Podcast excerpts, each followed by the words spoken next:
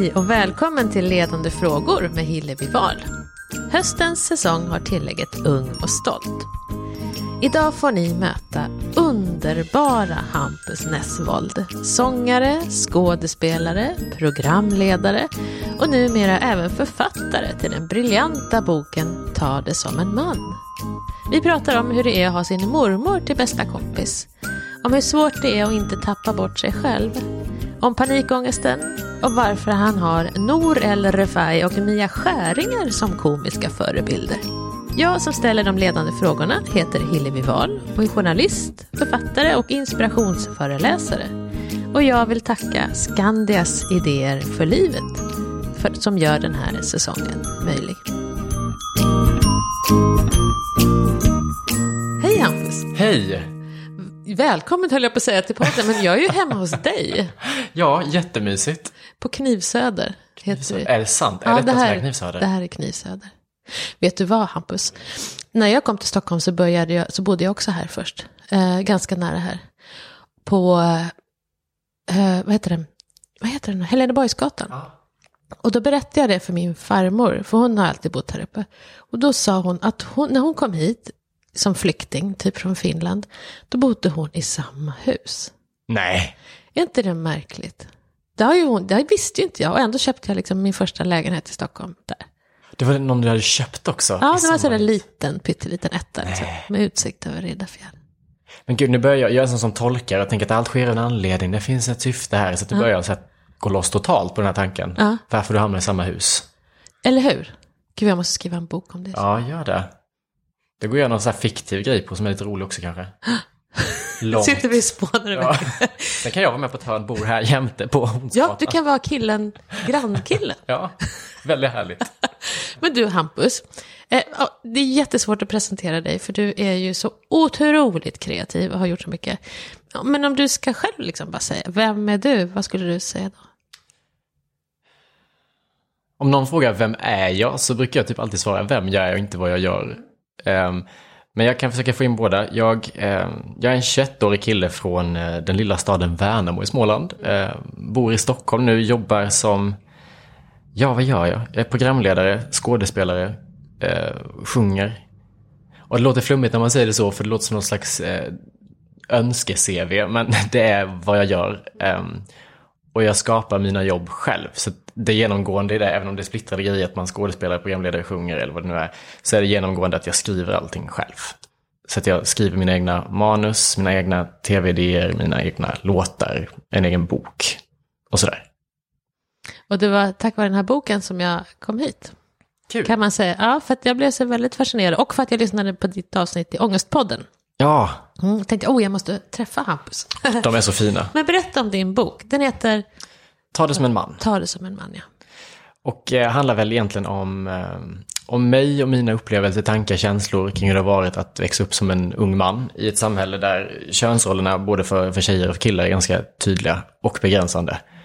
Ehm, och målet med boken är väl liksom att eh, någonstans slå upp eh, liksom ögonen på killar. Så här, se din position, din privilegierade situation i samhället och eh, vilket försprång du tack vare ditt kön har.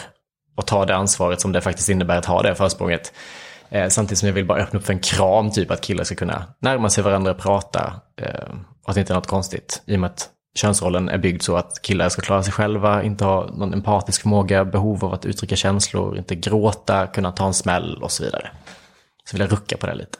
Ja, men det är ju så mycket som man ska passa in i. Det är så mycket. Jag har inte riktigt tänkt på det så tydligt som eh, när jag läste din bok. För jag är ju väldigt engagerad i tjejer. Mm. Såklart, höll jag på att säga. Eftersom jag är tjej själv och har vuxit upp i den här, försökt passa in i den här normen. Och alla de här förväntningarna. Och man tappar bort sig själv så tidigt. Men när jag läste det som du skrev så tänkte jag, gud, det är ju samma sak för killar. Mm. Och så där reagerar många. Ja, Och det är för att man aldrig hört en kille prata om de här sakerna tror jag. Nej. Det finns ju massa tidningar, eh, böcker och allting som, som vänder sig till unga tjejer och där man kan prata högt om sex, relationer, psykisk ohälsa, kroppskomplex och vad den är. Men det finns ju ingenting liknande till killar. nej. Och det tycker jag är fascinerande. Det gjorde att jag till exempel inte trodde att, att killar hade kroppskomplex. Att det bara var jag som hade det. Um, det har jag fattat att folk har. Och det har jag skrivit om i boken. Det är lite så jag jobbar i min, i min bok, att jag har så olika kapitel som jag liksom avverkar. Så att det är kärlek, vänskap, kroppskomplex, våld, eh, manlighet, eh, må dåligt och allt vad det kan vara. Och ju mer jag berättar att jag har haft panikångest som kille, jag har haft kroppskom kroppskomplex, svårt ord på småländska, eh, haft svårt att närma mig andra killar och så vidare, så är det som att jag också fattar att det finns så an många andra killar som känner likadant. Som tror att de liksom kanske mår bra och trivs i vilka de är, men att det inte eh, egentligen är så. Att de blir någon annan eller håller upp någon slags fasad. Mm. Idealkille, vi pratar om idealtjejer med just tjejerna i Ångestpodden, Ida mm. och Sofie. Men det måste ju vara samma för killar då, den här, att, det, att det finns någon idealkille liksom med superkroppen, eller? Ja, och som ja. alltid klarar sig själv, vet och kan bäst mm. och eh, jag vet inte, allt det där. Och när man passar in i det, för det finns det ju folk som gör. Eh, kanske i skolan har man sina roller och vissa är de här coola, starka, stora, lite trygga killarna. Eh, då är det väl jättegött. Men så fort man inte passar in i vilken norm den är så skaver det ju lite. Och så har det varit för mig i alla fall, hela min eh, uppväxt. Hela tiden? Ända sedan du var pytteliten? Eller? Ja. ja. Det skulle jag säga. Jag kommer från ett jättelitet ställe. Alltså Värnamo är staden liksom. Men sen kommer jag utanför Värnamo, ett litet, litet samhälle som heter Lanna. 400 invånare. Ah, oj, ah. Det finns liksom inte jättemycket plats att vara eh, något annat i en liksom, by med 400 invånare. Så jag tror alltid att jag fått känna, i och med att jag inte varit den stereotypa killen, har fått känna att så här, nej men det här är inte min grej. Men kommer du ihåg hur gammal du var när du märkte det första gången? Har du något sånt där minne? Jag tror aldrig att, att jag varit så medveten. Jag blev liksom medveten om de här sakerna som jag pratar om här nu i, mm. när jag var kanske 17. Jaha. Men jag har ju alltid känt av saker som jag i efterhand har förstått. Liksom. Mm. Typ, jag hade alltid ångest varenda år när det kom snö. Mm. För att då fattade jag att nu kommer de spola isen på rinken här borta. Mm. Och då måste man åka skridskor och spela hockey och jag hatar det. Mm. Så då fick jag så här ångest att gud, nu måste jag åka dit och så måste jag eh, spela hockey med de andra killarna och jag kommer bli vald sist för att jag är minst och jag är dåligast. Och satt jag i fönstret och nästan så här grät över att så här, nu är det snö så nu kommer jag tvingas ut och åka skridskor med de här killarna. Um, och samma sak fotbollsträning. Jag vet, jag tänkte, för jag har spelat fotboll i så här åtta år utan varken talang eller vilja. och då, då blir det så här, jag vill liksom bara så här sjunga, spela musik. Ja. Men jag liksom, fotboll var det man gjorde så då gjorde jag det också. Ja. Um, och då kommer jag ihåg att jag på fotbollsträningarna uh, tänkte så här, då var de en och en halv timme långa. Och då tänkte jag så här, okej okay, men om jag går på toan nu så är jag borta i kanske tio minuter, då har det gått tio minuter, då är det bara så här länge kvar. Fast om jag stannar kvar till halv, då är det bara en halvtimme kvar tills jag slipper det. Tills jag behöver uppleva det här hemska igen. Och då är det helg emellan och då kommer Pontus, min bästa vän och hans familj. Då har jag lite roligt, sen är det här hemska igen. Och jag hade så mycket tankar för att slippa undan, liksom, för att jag hatade det så mycket. Jag hade så mycket ångest. Jag kommer ihåg att så här, måndag, onsdagar var de bästa dagarna i veckan för då var det fotbollsträning. Då mådde jag dåligt hela dagen. Sen var jag så lättad på torsdagar. Gud. Så där har jag liksom hängt med för att jag har gjort saker som, som killar ska göra för att jag inte har mm. velat. Mm. För att jag inte har passat in. Men jag har försökt passa in för att jag inte heller velat bli utstött typ. Men det var ing- du kunde inte prata med någon om det då? Eller du kunde, dina föräldrar, det var ingen som, nej? Nej, och jag tror inte jag fattade heller riktigt att så här, då tänkte jag nog inte så här att men jag måste inte spela fotboll. Utan jag tänkte så här, nej men det är så här det är. Som kille ska du spela fotboll, du ska göra det här. Så det är bara att gilla läget. Jag tänkte alltså det här är en norm, det här är någonting alla killar gör, men jag behöver inte göra det. Utan alternativet att jag skulle slippa ångestdagarna, måndag och onsdagar, när fotbollen var, fanns liksom inte på kartan. Utan man bara så här, finn dig i det här nu, skärp dig. Ungefär som gympatimmarna tänker jag i skolan. Ja. Låter det som. Ja, det liksom ingår, man ska gå. Jättemycket så tror jag. Och det här är saker som jag har tänkt på och haft med mig hela livet. Eh, och som jag kanske är tacksam för idag på många sätt för att det har format vem jag är. Men jag har inte fattat eh, hur starkt rotad den där normen faktiskt varit då. När jag inte ens har fattat att det är en norm typ det jag eh, lider av. Nej, att man inte snackar om det överhuvudtaget ja. i skolorna är ju så konstigt. Jag vet. Men, eh, men du hade liksom det här med att din bästa vän var din mormor då. Jag gillar ju sånt. Eftersom jag älskade min farmor. Ja. men hur, hur liksom, kunde du vara, liksom var det bara trygg och lugn med henne? Eller när började det förresten? Som att du umgicks väldigt mycket med din mormor? Jag tror typ i hela livet. Mm. Vi, vi bodde, när jag var minst så bodde vi i ett hus mitt emot dem. Mm. Så att jag liksom sprungit över hela tiden och hon har sprungit över dit. Och vi har haft vår liksom, äh, äh, vår väldigt speciella vänskap som har varit sen jag var väldigt liten och som har sett annorlunda ut beroende på vad jag har varit i ålder för att man växer hela tiden. Och vad hon har varit i ålder. Men, eh, och den är lika stark nu. Vi ringer kanske två, tre gånger om dagen. Är det sant? Alltså hela tiden. Jag ringer henne när jag vaknar, jag ringer henne när jag är på väg någonstans liksom, och när jag går och lägger mig typ. Wow. Så hörs vi så hela tiden löpande. Det kan vara väldigt så här lätta saker bara. Vad gör du?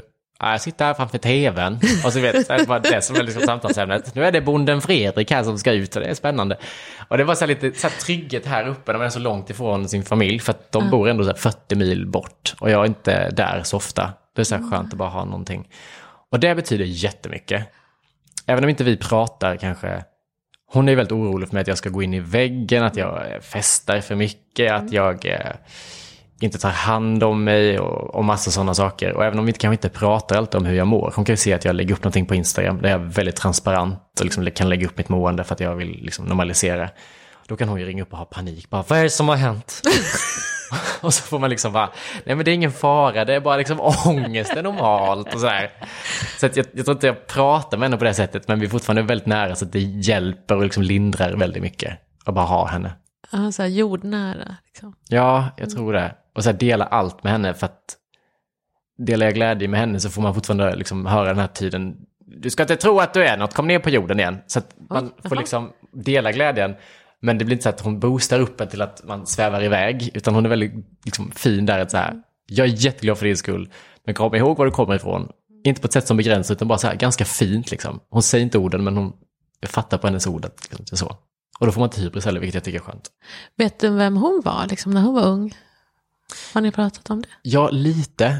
Ehm, vi, har pratat mycket, vi kan mötas i det här med kroppskomplex till exempel. För hon har, det är ju henne jag har fått det här av henne och mamma. Eh, jättesmala, um, båda två. Um, och vi har pratat mycket om att hon var så framåt för. Ja, vi pratar mer om så här idag. Jag tror att hon och alla så här 40-talskvinnor är en generation som um, om vi så här backar upp sin man, eh, uh, var på ett visst sätt behaga och allt det där. Alltså det har vi pratat mycket om, så här, att uh, kompromissa och inte kanske att så här, må man göra det här för dig själv. Liksom. Hon bara, jag var tuffare förr, nu är jag så blyg och nu är jag så här och så här och så här. Och sen är hon jättesocial på andra sätt. Så där kan vi mötas mycket, att jag också är så här, jag har skitsvårt att föra mig i vissa sammanhang som är så här mycket folk och sådär. Och då kan vi förenas i det och hitta så här beröringspunkter. Men eh, jag, jag måste bli bättre på att lyssna när hon pratar. Så för att när hon börjar på när jag var 14, då signar jag lite ut för att jag orkar inte. Men jag måste lyssna på det för det kommer ju vara ovärderligt sen när hon går bort, tänker jag. Och ha med sig att veta. Kan du inte spela in henne? Men jag tänkte att jag ska göra en intervju med henne men hon hatar sin egen röst. Ja, ja, men det, det en kopp kaffe, sen är det borta. Eller hur? Jag tror men inte kanske. man tänker på det. Hon var faktiskt med och gästade, jag med ett tv-program för några år sedan och då var hon faktiskt med i en synk och pratade. Och det är väldigt fint att ha. Hon hatar det där klippet men jag älskar det. För det önskar jag att jag hade gjort med de som har gått bort i min släkt. Gud, min farmor till exempel, som kom hit och stod som krigsbarn liksom här i, och, och eh, liksom togs bort från sina, sin mamma som, och sina syskon liksom. Och eh, i början innan de fick komma tillsammans igen. Ja. Eh, liksom, gud, jag skulle ha velat höra hur det var. Mm. Pratar ni om det? Bara att du kan Nej men, nej, nej, men du vet, man skulle inte gräva i det där som var. Utan, Nej. Så att det var, eh, man, ja, så pyttelite. Hon kunde liksom komma ihåg hur det var när hon var liten och det var krig i Finland. Och hur hon gick på slagfältet så här. Eh, för det gick man, för det var liksom, kriget slutade på söndagar. Det var så här, krig måndag till, till lördag. och sen var det liksom paus på söndagen och då gick man på liksom, finpromenad. Liksom på slagfälten. Ja, jättekonstigt. Och då så sa hon att det låg så mycket döda människor överallt. Och det hade hon inte så svårt för. Men det hon tyckte var så hemskt var att de tog, hade tagit skorna från de döda. Du vet, det var ju högvaluta med skor. Det var ju nästan Ah. ingen som hade råd med liksom, fina skor. Så att när de dog så var det ju någon som tog skorna. Så att det tyckte hon var det värsta som barn. Att nej, de tog skorna. Så han låg där eller och frös. Men hon gick runt som barn och så alla de här kropparna. Ja, det är liksom det, som, det enda jag minns att hon har berättat om. Men då var du för ung då för att liksom fråga? Ja, För ja. det är det jag tänker nu att jag är så här för ung och intresserad ja, ja, fråga. ja, visst. 40. Då börjar man. Ja, okej. Jag får hoppas vi håller i tills dess. Ja, precis. ja, men det är så spännande där med hur... um, Alltså, ja, precis. Så spela in henne, gör det. Men jag tänker också lite grann, för det var nästan det första jag sa till dig när jag kom in här, att eh, du bränner väl inte ut dig nu? Ja. som din mormor. Men det är också för att jag tänker att du är ju eh, så extremt kreativ. Alltså, du har så mycket i dig. Ja. som liksom vill ut. Man märker det. Du, du, du är så konstnärlig på så många sätt. Med, mus- ja, med musiken och boken och tv-program och radioprogram. Och, och då, min erfarenhet är ju, det kan ha fel, men att människor som är väldigt kreativa är, är också extremt känsliga och sårbara. Mm. Man tar liksom in allt. Det är så här, det finns liksom inget filter, man är nästan hudlös. Mm. Och det var därför som jag, det, du känner igen dig? Ja, gud ja. Jätte, jättemycket.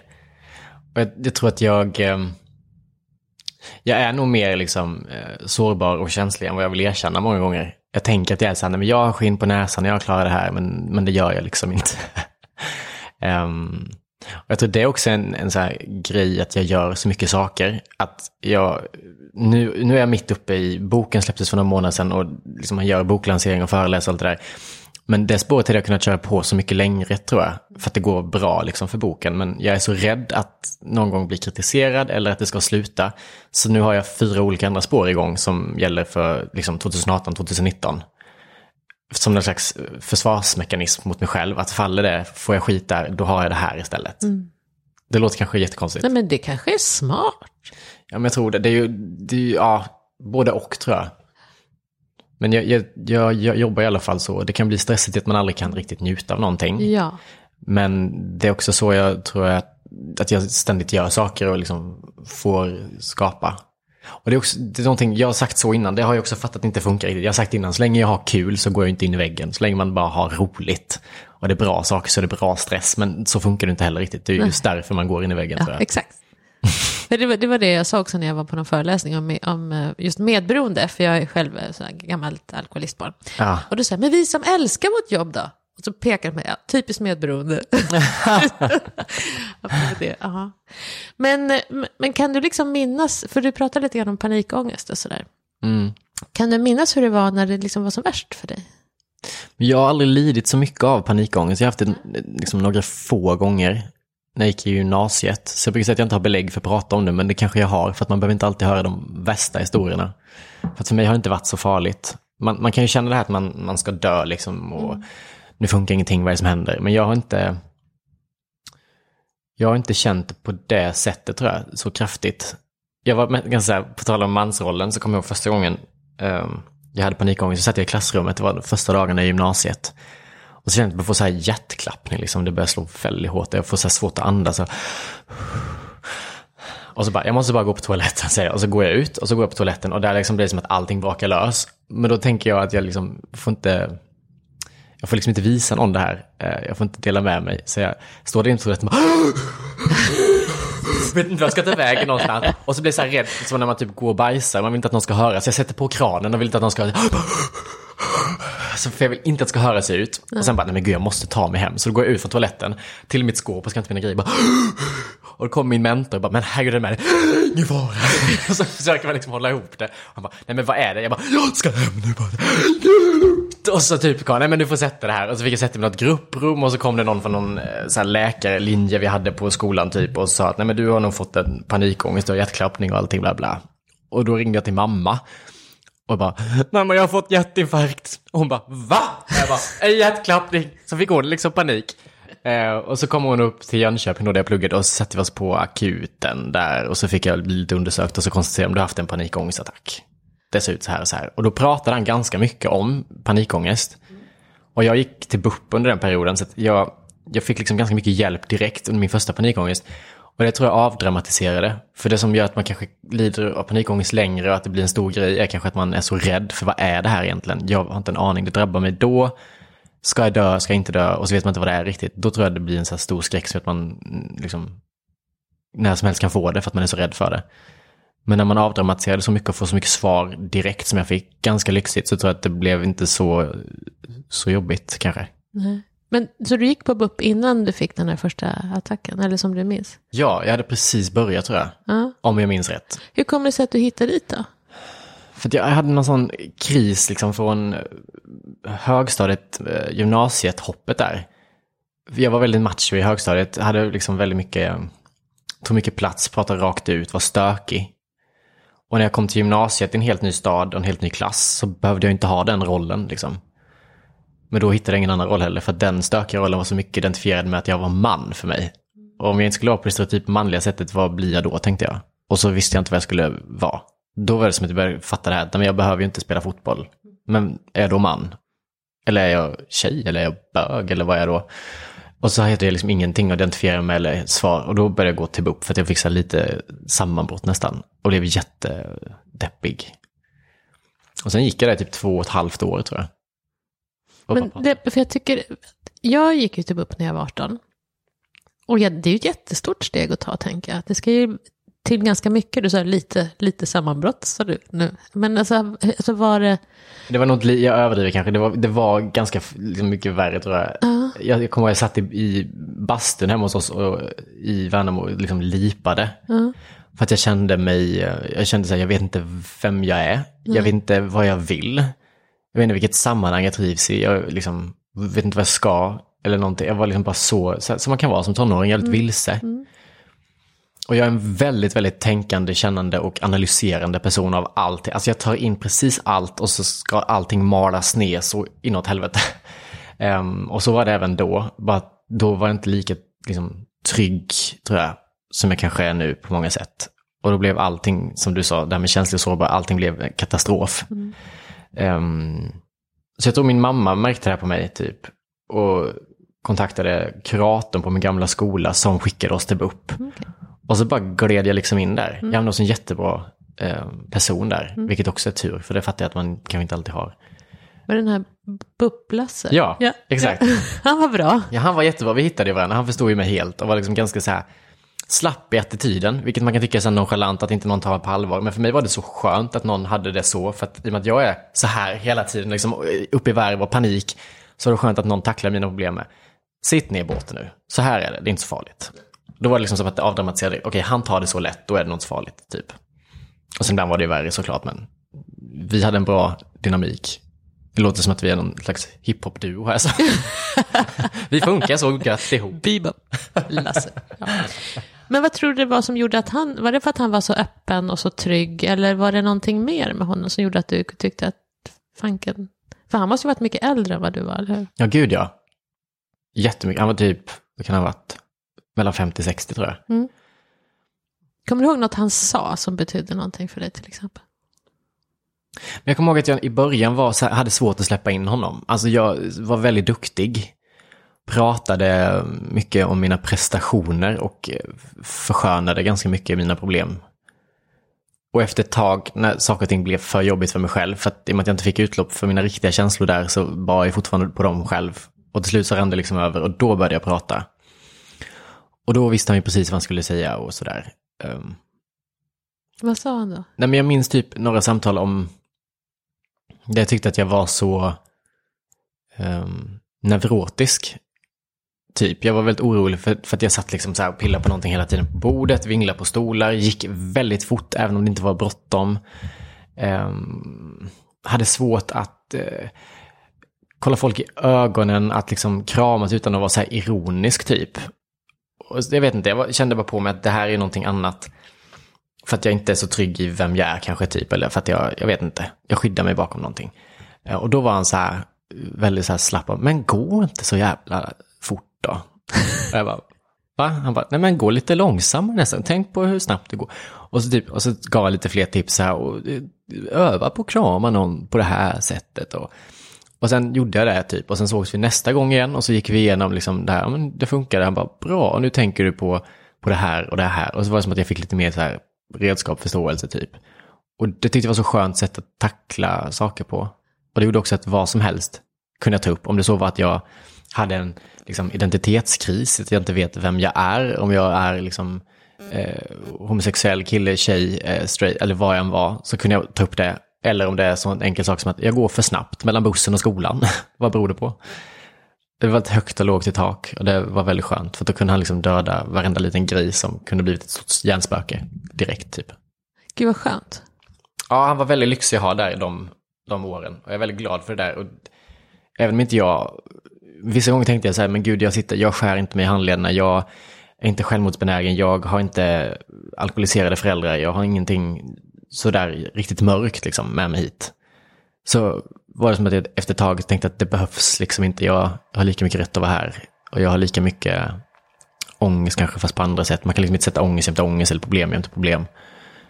Um, och det skulle jag typ rekommendera alla så här. Gå och snacka även om du inte har problem eller tro att du mår toppen. För det är bara skönt att få utlopp för saker och ting. Det gör en lite lugnare också tror jag.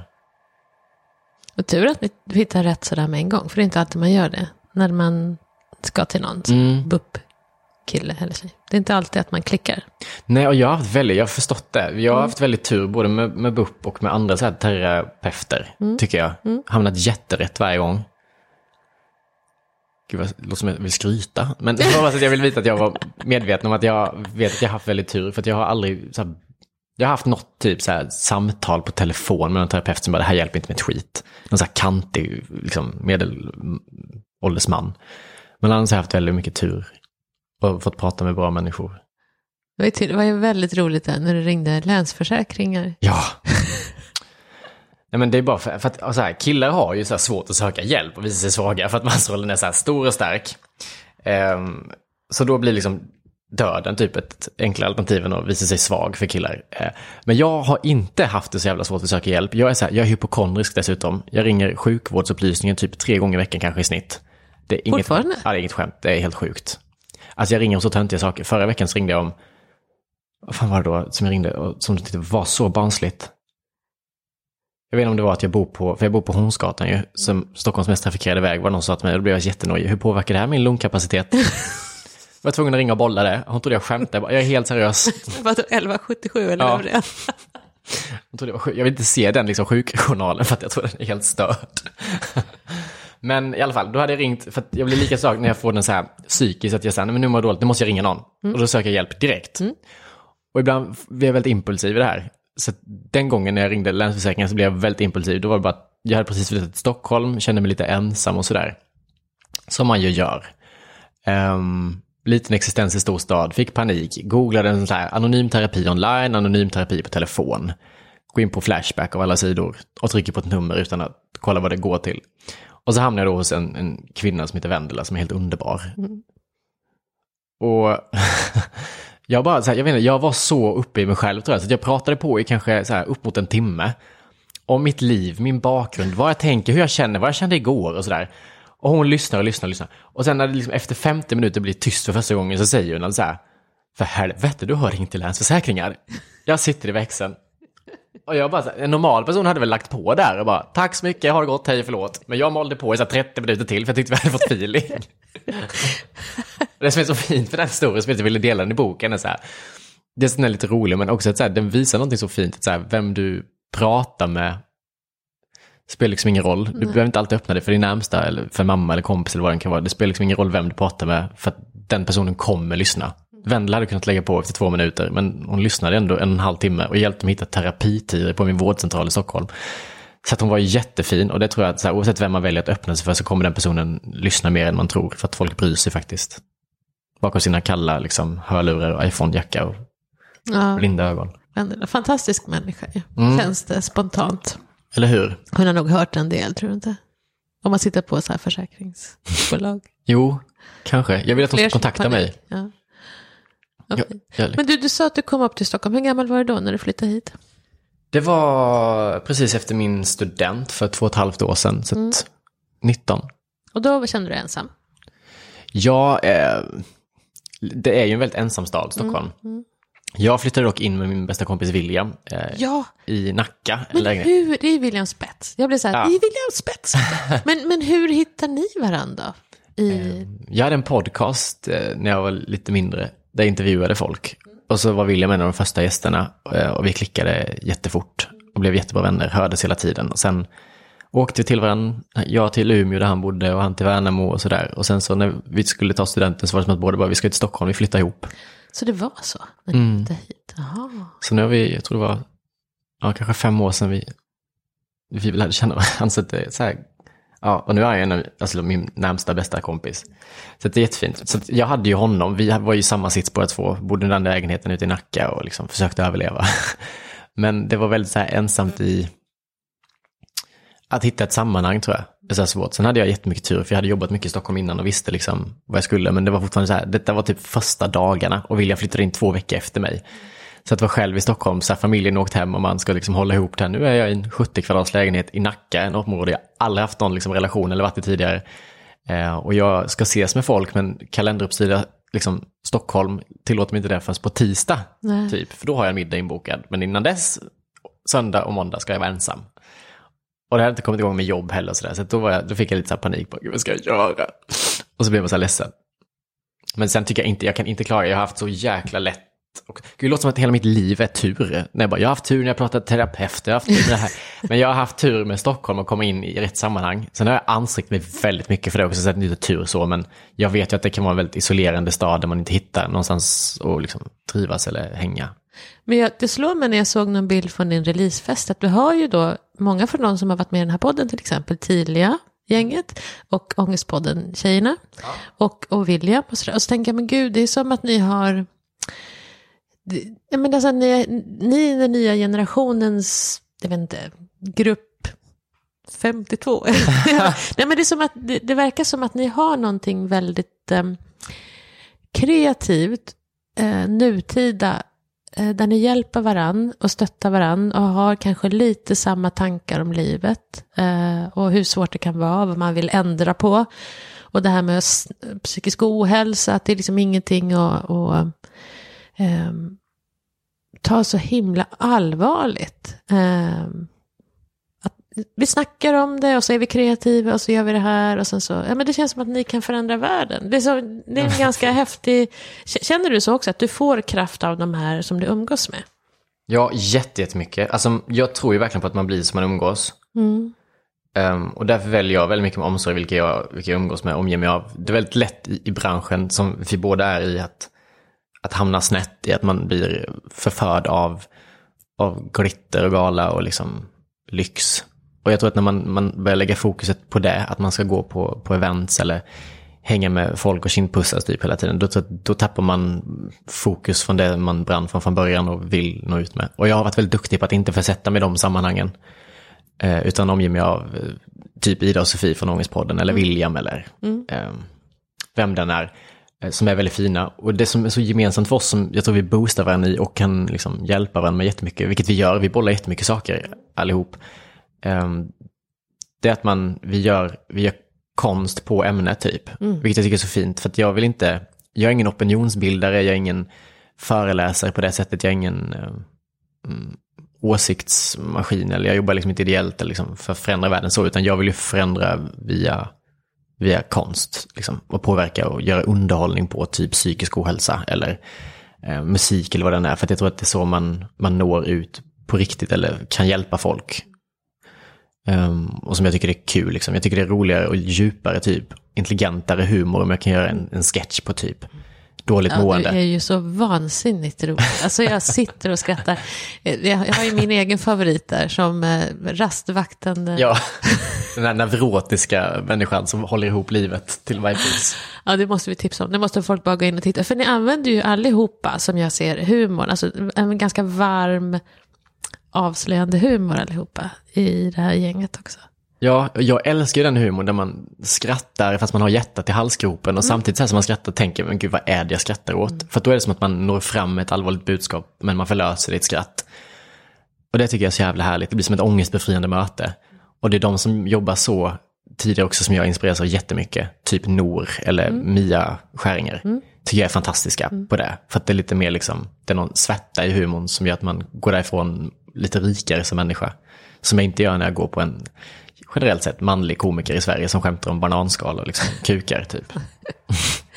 Men för det var en sak jag funderade på på vägen hit också, apropå det här med roller. Och lite grann det vi pratade om precis innan vi satte igång. Det här med att det är så lätt att tappa bort sig själv när det är så många som har åsikter om en. Och nu har ju du, alltså hur, jag vet inte hur många följare du har, massor, massor, massor. Eh, och eh, naturligtvis agent och, och eh, folk som drar i dig. Och, och så funderar jag, och alla har åsikter naturligtvis. För ju, ju fler följare man har, desto fler är, människor är det som har åsikter om hur man borde vara eller inte borde vara. Och där gick du kanske lite för långt, eller jag vet inte. Ja. Men kan du, är du rädd för att tappa, eller har du funderat på om du, så att du inte tappar bort dig själv i, ska man säga, kändisskapet? Förstår du vad jag menar? Inte kändis, Ja. men det här med att folk har så mycket åsikter då, när man, när man får så många som följer en. Och jag motar alltid det med att vara ännu mer transparent. Alltså det, det finns ju, folk säger att det är så självutlämnande, jag är inte rädd för det där och sådär. Men, men jag tror att den transparenta sidan gör att man, man lämnas utrymme någonstans. Jag har aldrig sagt att jag är en, en förebild till exempel. Och det är jag ganska öppen med. Jag lägger upp bilder när jag festar och dricker alkohol till exempel. Eller när jag eh, eh gör någonting som kanske inte är vad en förebild borde liksom göra. För att jag är en människa, jag är 21 år, jag lever i mitt liv på mitt sätt. Jag tänker aldrig leva det för någon annan än mig. Liksom. Jag tänker inte leva för 28 000 följare eller för en agent eller för den där människan. Eh, och passar det inte liksom, så får man nog skita i. Och det har varit ganska bra på att skaka av mig när det är någon mamma som kommenterar ibland att det här ska du lägga upp, du som ska vara för... Då är jag så här, ja men skit i då, gå ut, ta bort din son från min Instagram om det är så jävla jobbigt. För jag tror någonstans att så här, allting som jag lägger upp, jag lägger liksom inte upp det på ett Paradise Hotel-sätt som blir så här där man främjar någonting, men jag visar upp en sida av livet som är allt. För jag kan inte bara visa upp när jag jobbar eller när jag är på en liksom, stilig middag eller eh, när jag mår bra, utan jag visar upp när jag ligger där i sängen med ångest, när jag dricker alkohol, när jag eh, har väldigt roligt men också när jag har förbannat tråkigt. Eh, och det är det som jag tycker visar att jag är liksom en hel människa med en stor palett av färger. Och det tror jag gör att man, man målar inte upp mig på en pedestal. Hoppas jag. Och istället för att påverka inte så mycket av vad andra tycker. Jag är mer känslig för vad folk i min närhet ska tycka tror jag. Jag är väldigt duktig på det också, att typ kritik och sånt. Jag tar aldrig kritik från folk som är eh, inte jobbar med samma sak eller som jag ser upp till. Som om liksom, eh, någon som läser min bok kommer fram och kritiserar någonting som, nej men på stan typ. Så tar jag liksom inte åt mig och blir ledsen av någonting eller sådär.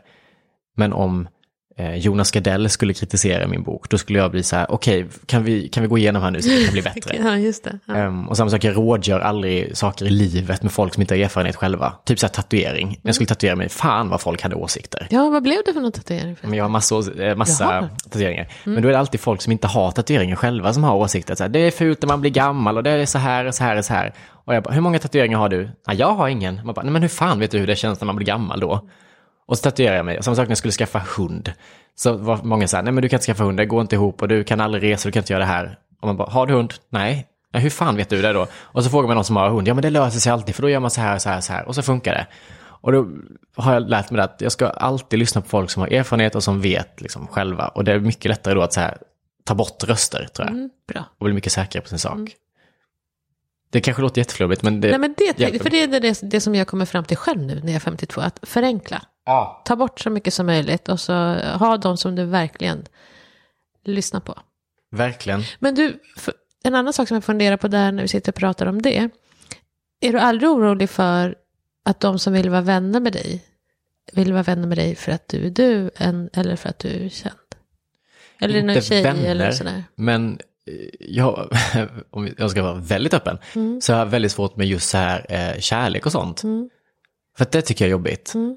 Um, inte för att någon skulle vilja bli tillsammans med en eller ragga på en för att man är en viss person, utan för att jag um, som um, offentlig på vissa sätt uh, och som har släppt en sån här bok är väldigt mån om vad jag sänder ut för signaler om hur jag agerar. och jag vill liksom inte på något sätt, jag, jag skriver liksom aldrig på, så här, på någon datingapp till exempel. Jag, nej, det funkar inte. Om folk bjuder ut mig på Instagram till exempel, vilket händer ganska mycket så svarar jag liksom inte på det heller. Och kommer någon fram på krogen och berömmer och sen försöker göra något slags move, så nej. Det hade man ju i den positionen jag är kunnat utnyttja det, vilket många kanske säkert gör. Att säga, okej, okay, hon gillar mig för att jag har gjort det här. Och så försöker man hångla upp den där människan. Men jag blir väldigt mycket så här, nej men hon ser upp till mig av en anledning. Hon kommer fram och säger de här sakerna, då ska inte jag vara något jävla liksom snusk som hoppar på henne. Så det blir ännu mer sådär. Och det kan jag ibland, det är bra tror jag att man har den grundinställningen. Men det kan också göra ibland att man blir lite lite lam typ. Mm, mm. Att man blir lite så här, man vågar ingenting. Nej. Um, och det är en situation som jag har känt på typ uh, från i våras nu, som är lite ny för mig. Som man är ganska så här, liksom framåt. Just det. Förstår du vad jag menar? Ja, precis. Att man skalar av för mycket. Ja. man, inte, ja. man vill liksom vara liksom ganska, jag vet inte, jag, jag, vill inte liksom att någon ska missuppfatta mig på något sätt. Jag vill inte vara, jag har så mycket tjejkompisar så jag hör hur killar är mot dem. Mm. Och jag vill så lite vara den killen mot någon annan. Och i rädsla då för att vara det, vilket jag inte skulle vara, jag är skitöverdriven som tänker så här. Men så blir jag bara lam. Du, du eh, har ju skrivit en del om, apropå metoo-kampanjen också. Hur- Nu har det ändå gått ett tag sedan det började. Hur tänker du liksom idag kring det? Är du lika upprörd eller, eller hur, hur tänker du kring det nu? Idag? För det första så är jag så glad att det inte bara var en hashtag som varade i två dagar och sen gick över, utan att det har blivit någonting så stort och att det har blivit liksom branscher som har klivit in och skapat sina egna hashtags och berättelser och allt det där, vilket är så jäkla fint och viktigt. Um, och sen blir man ju ledsen att så här, kvinnor ska återigen behöva eh, hävda och bevisa. Det känns som att det så här, rösträtten 1921 kommer igen, fast på ett annat sätt. Liksom. Man blir så här ledsen att det ska behöva vara så, att det fortfarande är så här män med makt som är tysta som de måste kämpa emot. Samtidigt som jag är väldigt glad, för jag märker verkligen på riktigt att det här har gett följder. Alltså det har liksom, det har fått killar att tänka efter. Jag märker bara på killar i min liksom, omkrets hur de pratar om saker.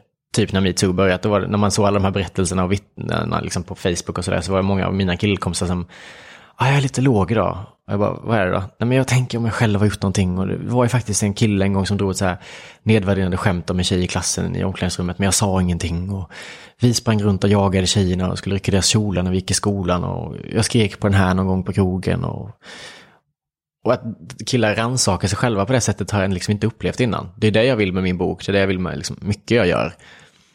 Och att höra killar göra det tyckte jag var jättefint och verkligen på tiden. Och att man börjar diskutera någonstans, okej, var går gränsen? En regelrätt liksom, våldtäkt eh, är jävligt mycket övertramp, men det är jävligt mycket där fram till som också är fel och liksom inte rätt. Och att man börjar prata om det killar emellan tycker jag har varit en väldigt bra följd av hela den här liksom, uppståndelserna.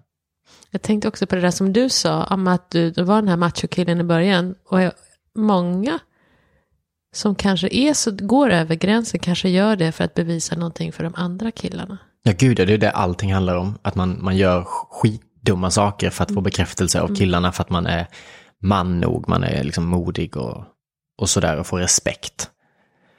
Och det var därför jag fick kris när jag började gymnasiet, för att då började jag en klass bara med tjejer. Och det fanns ingen manlig bekräftelse att söka där, så jag kunde liksom inte göra de där konstiga grejerna. Hade jag slängt suddgum i håret på någon där så hade jag fått bitchblickar istället. um, och det är ju det som är liksom roten till så mycket ont, den där manliga bekräftelsen som ska sökas. Att man är så rädd för att bli utstött eller inte bekräftade, men att man gör så jävla mycket korkade grejer och blir en annan person i män i grupp och sådär. Ofta, många, jag gjorde en, en sketch eh, i höstas på det här, just att män inte kan närma sig varandra, att man har mycket lättare att öppna upp sig för en främling, liksom kvinna på vårdcentralen i väntrummet än för sin bästa killkompis. Just det. Mm. Och den har blivit så här lite omtalad och så här, fått jättemycket kommentarer på för att det är många som känner igen det här. Tjejer säger det. Att så här, de får alltid säga att men han är fin egentligen och jag vet hur han är när folk säger att en kille är en idiot för att de har sett hur han är i en grupp av killar. Och sen kan de umgås själva med den här killen och sen en helt annan typ av person.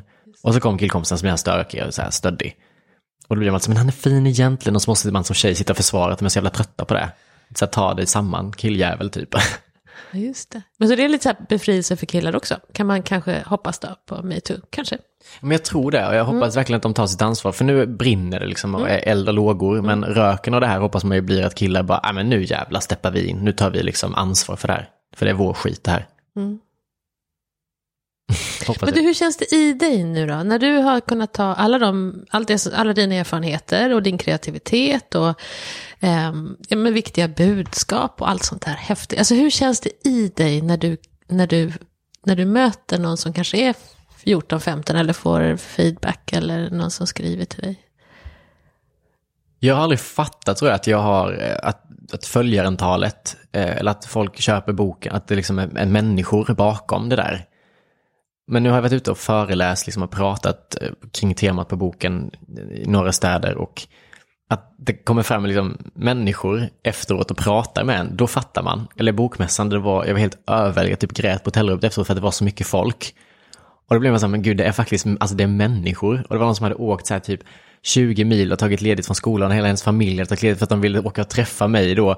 För att det betytt så mycket för henne, för att hennes bästa kompis hade eh, begått självmord och det här boken, liksom, allting jag gör hade hjälpt henne så mycket. Då blir jag så här, då vill jag liksom bara så här krama sönder den människan. Um, och det tycker jag är jättefint. Som sagt när jag kom fram typ för två veckor sedan var det var föreläsare och kom fram någon 35-årig kille och ville så bolla tips då för att han tyckte att han blev lite annorlunda i en killgrupp och han visste inte hur han skulle hantera det. Och sen kom det fram tre tioåriga killar som spelar fotboll och som hade fått swish från mamman för att de skulle köpa min bok. Och så här, då blev man så här, åh vad fina ni är. Bara, ja, det är, vi spelar också fotboll, det är lite konstigt i omklädningsrummet men jag vet inte hur vi ska förklara det. Typ. Alltså, så här, kan man prata lite kring det? Och då tycker jag det är så jäkla... Då blir jag rörd och bara känner så här, det, det är för de här människorna jag, jag gör det. För mig själv mycket också, jag ska inte sticka under stol, men jag gör mitt arbete för mig själv jättemycket för att jag älskar att skapa och liksom uttrycka. Men när man märker att okay, det budskapet jag vill få fram, det, det träffar någon, då är det så jävla mäktigt. Och det känner man i mötet med människan tycker jag mer än när man får ett meddelande. Även om meddelande också är jättefint, så tycker jag att det är någonting innan man får se en person och bara känna. Det måste du kunna relatera till jättemycket. Ja, ja men det är jättehäftigt. Jag blir så här alldeles tårögd och får rysningar och allting, för det är så häftigt. Ja, men jättefint. Jag tycker vi slutar där och tackar så hemskt mycket. Tack eh, snälla. Hampus, för att du var med. Och nu blir jag lite nyfiken, ska du ringa mormor idag? Ja, såklart. Ja. Jag ska på galej ikväll, så jag ska ringa henne och bolla lite nu med kläder här. Jag förstår, ja. vad bra. Okej, hälsa så hemskt mycket. Tack så mycket, vad mysigt att få vara med. Tack. Åh, jag blev helt tagen där på slutet. Tack Hampus. Hampus ger så otroligt mycket värme och kärlek så man blir helt överväldigad och glad. På vägen hem skuttar jag med hoppsan steg hela vägen hem.